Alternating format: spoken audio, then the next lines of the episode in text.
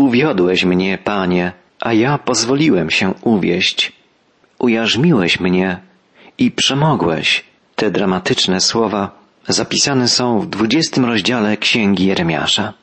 Gdy Jeremiasz był młody, bronił się przed przyjęciem misji prorockiej, ale potem podporządkował się woli Boga. Dlaczego teraz przypomina Panu o dniu powołania? Bo przeżywa trudne, niebezpieczne chwile. Bogobojny król Jozjasz już dawno nie żyje. Jego następcy na tronie Dawida są niegodnymi, bezbożnymi władcami. Słów Jeremiasza nikt nie chce słuchać. Ani kolejni królowie, ani kapłani, ani lud. Jeremiasz jest odtrącony, odrzucony przez swoich rodaków. I nawet jego życie znajduje się w niebezpieczeństwie. Pamiętamy z poprzednich rozważań, że Jeremiasz głosił z rozkazu Pana poselstwo sądu, wieść o Bożej karze. Zapowiadał, że stolica wraz ze świątynią zostanie zburzona, że tron Dawida upadnie. To wydawało się Judejczykom niemożliwe. Wierzyli w nienaruszalność świątyni, w nietykalność świętego miasta. Dlatego chętniej słuchali fałszywych proroków, zapewniających ich, że Jerozolima jest bezpieczna. Ale prawdziwy prorok żywego Boga wołał, to mówi Pan zastępów, Bóg Izraela. Oto sprawię, że przyjdzie na to miasto i na wszystkie jego osiedla całe to nieszczęście, jakie na nich zapowiedziałem.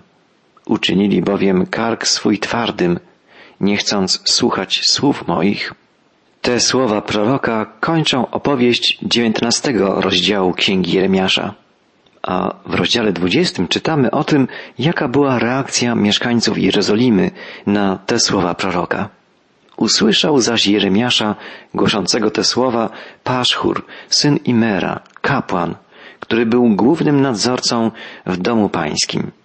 I kazał Paszchur poddać chłoście proroka Jeremiasza i zakuć go w kłodę, która się znajdowała w wyższej bramie Beniamina, w domu pańskim. Paszchur był kapłanem, zwierzchnikiem straży świątynnej.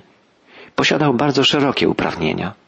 Polecił wychłostać Jeremiasza, a potem zakuć go w kłodę, czyli w blok drewniany służący do unieruchomienia przestępcy w niewygodnej pozycji. W ten sposób chciał pozbawić Jeremiasza autorytetu. Zwróćmy uwagę, że Jeremiasz głosił Słowo Boże w świątyni, w domu Bożym. A tym, który go kazał wychłostać i zakuć w kłodę, był wpływowy kapłan, zwierzchnik Straży Świątynnej.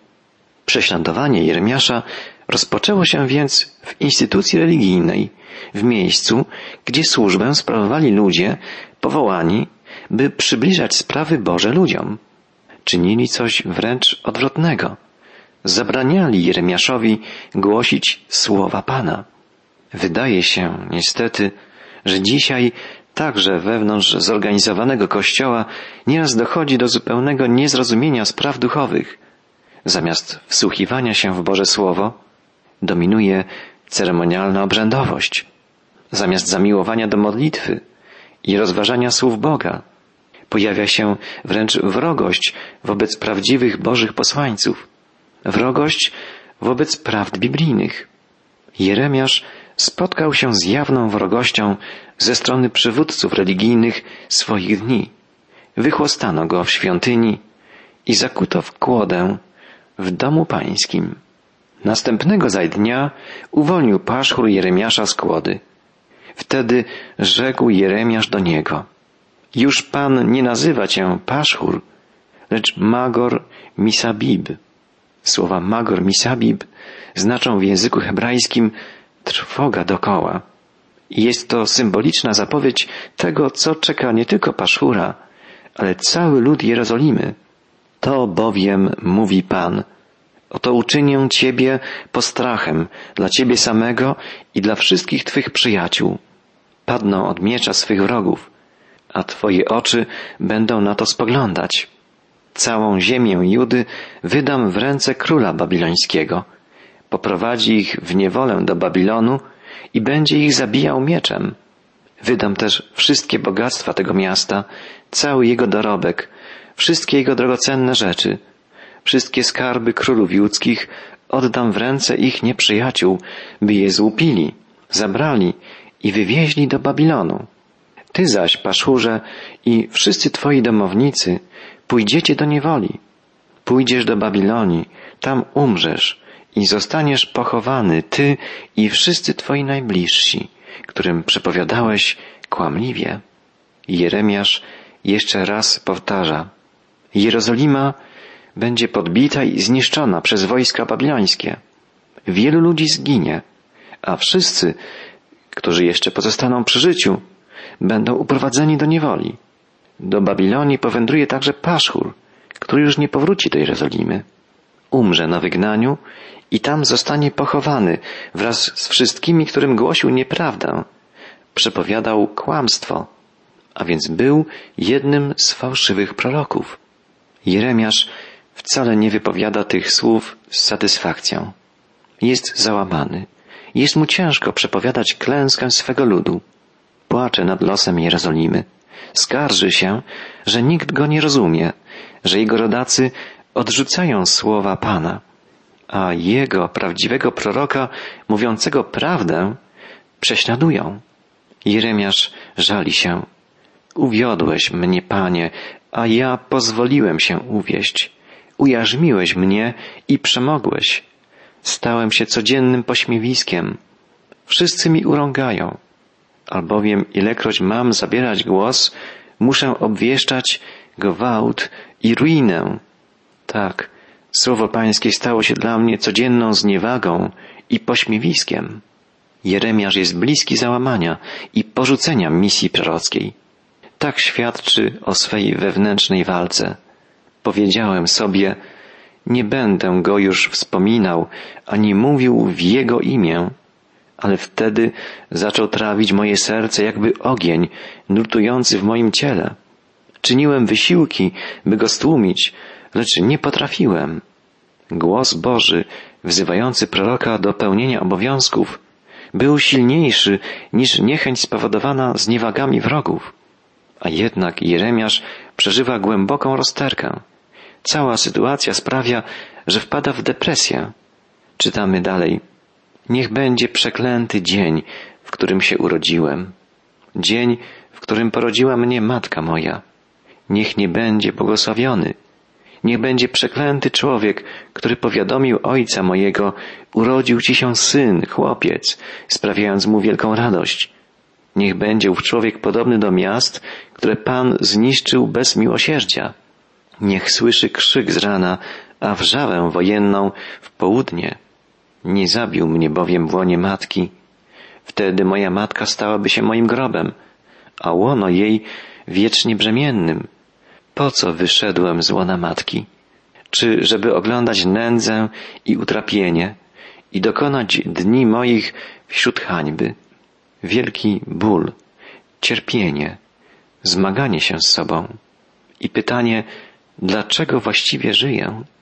Jaki sens ma moja żałosna egzystencja? Nie jest to wcale rzadkie pytanie. Pamiętamy, że Eliasz, wielki prorok, pewnego dnia ukrył się pod drzewkiem Janowca i życzył sobie śmierci. Niezwykle cierpliwy Hiob przeżył chwilę, w której przeklął dzień swego narodzenia i wyraził pragnienie, by jego życie się skończyło.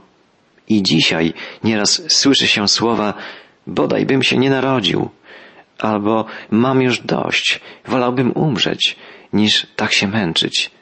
Po co wyszedłem z łona matki? Czy żeby oglądać nędzę i utrapienie i dokonać dni moich wśród hańby?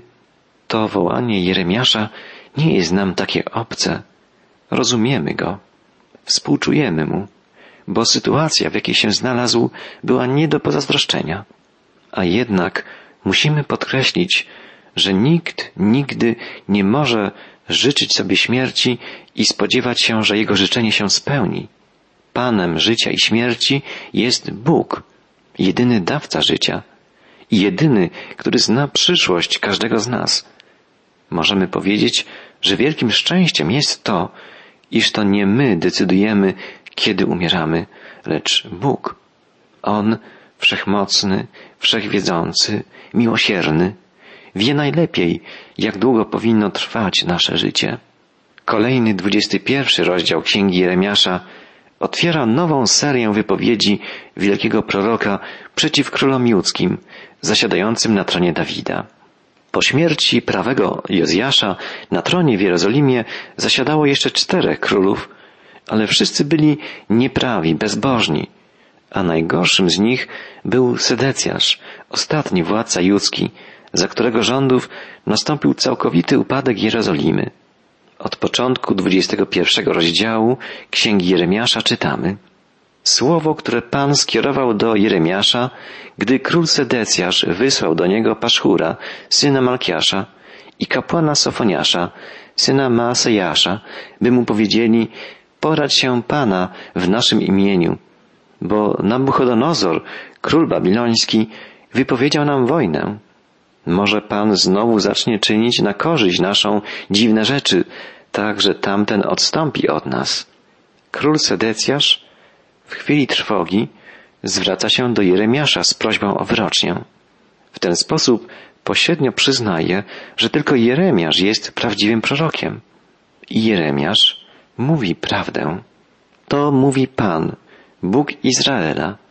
Oto odwrócę sprzęt wojenny, który macie w rękach, a którym walczycie z królem babilońskim i Chaldejczykami oblegającymi was z zewnątrz murów i zgromadzę ich w środku tego miasta.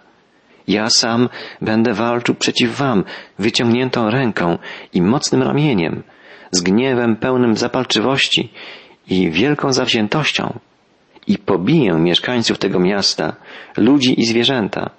Umrą na skutek wielkiej zarazy. Bóg nie stanie w obronie Jerozolimy, nie będzie bronił jej mieszkańców. Przeciwnie, będzie walczył przeciwko nim. Stanie się tak dlatego, że ludzie ci uporczywie buntowali się przeciwko niemu. Okazywali mu wielokrotnie nieposłuszeństwo. Bóg osądzi ich za ich odstępstwo. Jeremiasz przekazuje niezwykłe słowa Pana. Do tego narodu zaś powiedz, to mówi Pan, oto stawiam przed wami drogę życia i drogę śmierci. Kto pozostanie w tym mieście, umrze od miecza, głodu i zarazy. Kto zaś wyjdzie, by się oddać w niewolę oblegającym was Chaldejczykom, będzie żył i otrzyma jako zdobycz własne życie. Zwróciłem bowiem swoje oblicze na to miasto ku jego złu, a nie dobru, wyrocznia Pana.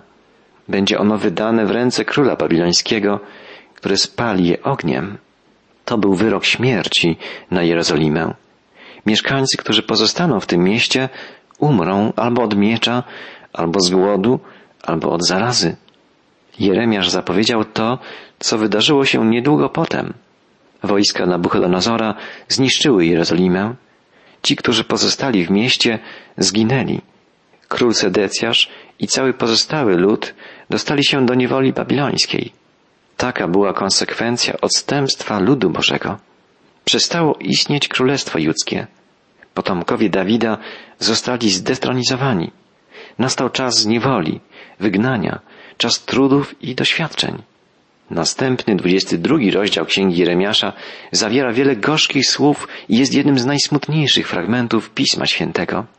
Jeremiasz otrzymuje polecenie, by wygłosić słowa sądu nad wszystkimi żyjącymi wtedy jeszcze władcami Jerozolimy. Przeczytajmy słowa sądu nad Joakimem. Biada temu, który fałszem buduje swój dom, pomijając sprawiedliwość, a swoje wysokie komnaty bezprawiem, który każe swemu współziomkowi pracować darmo i nie oddaje mu jego zarobku. Król Jojakim zmuszał Judejczyków do darmowej pracy przy swoich wielkich budowlach, a w dodatku nakładał na nich wysokie podatki. Mówił, zbuduję sobie rozległy dom i przestronne, wysokie komnaty, wybiję sobie w nim okna, otaczając je cedrowymi ramami i pomaluję je na czerwono. Czy się w tym okazujesz królem, że masz zapał do budowania z cedru? A może twój ojciec nie jadł i nie pił? Lecz on wykonywał prawo i sprawiedliwość i dlatego zażywał pomyślności. Ojciec Joakima, Jozjasz, był prawym królem i postępował zupełnie inaczej niż jego synowie, następcy tronu. Jozjasz prowadził życie skromne, umiarkowane.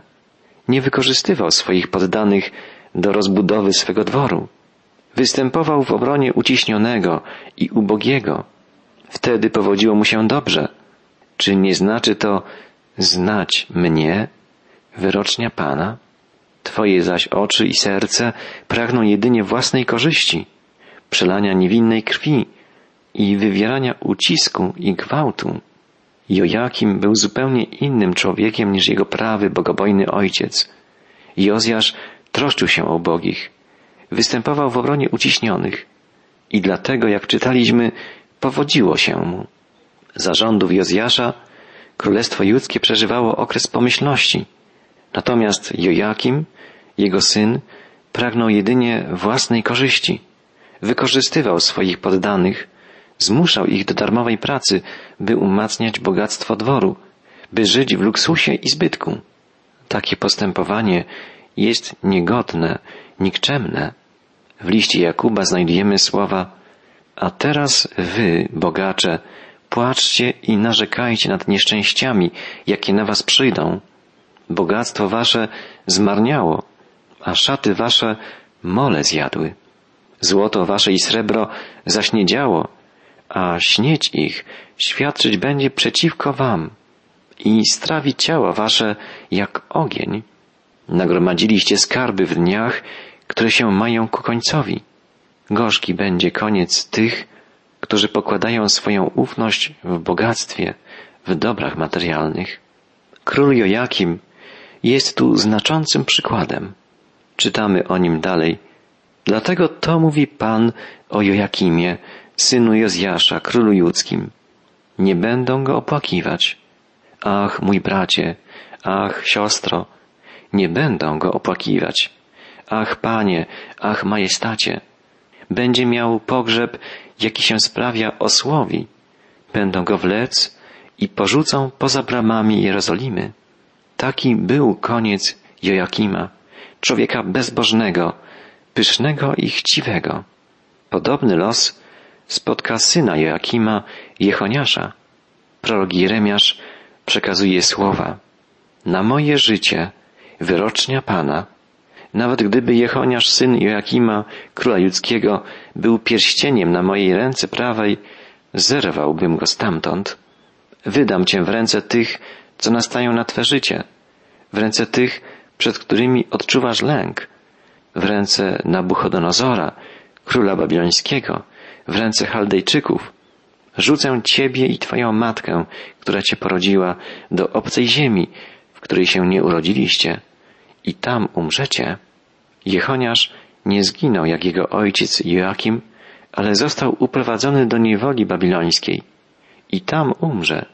Nigdy już nie powróci do ojczyzny, ani on, ani jego rodzina. Jeremiasz zapowiada w imieniu Pana. Do kraju zaś, do którego będą stale pragnęli powrócić, nie wrócą. I dalej Boży prorok woła, czy Jechoniasz jest naczyniem wyrzuconym, potłuczonym naczyniem, którego nikt nie chce? Dlaczego wypędzono go i jego potomstwo i porzucono w kraju, którego nie znają? Ziemio, ziemio, ziemio, słuchaj słowa pańskiego. To mówi Pan.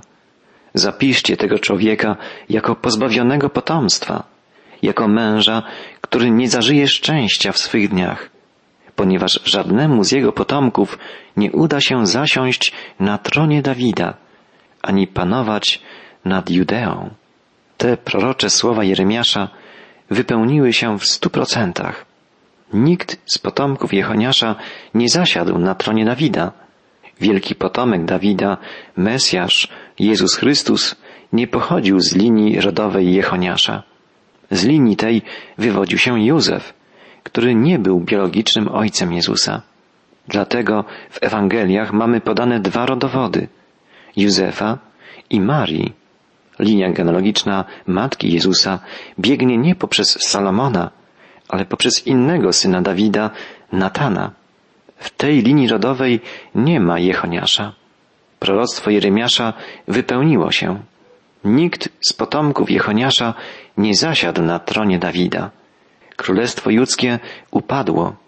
Królem, który odbuduje tron Dawida, a w końcu zasiądzie na nim na wieki, będzie Mesjasz, Zbawiciel, Jezus Chrystus.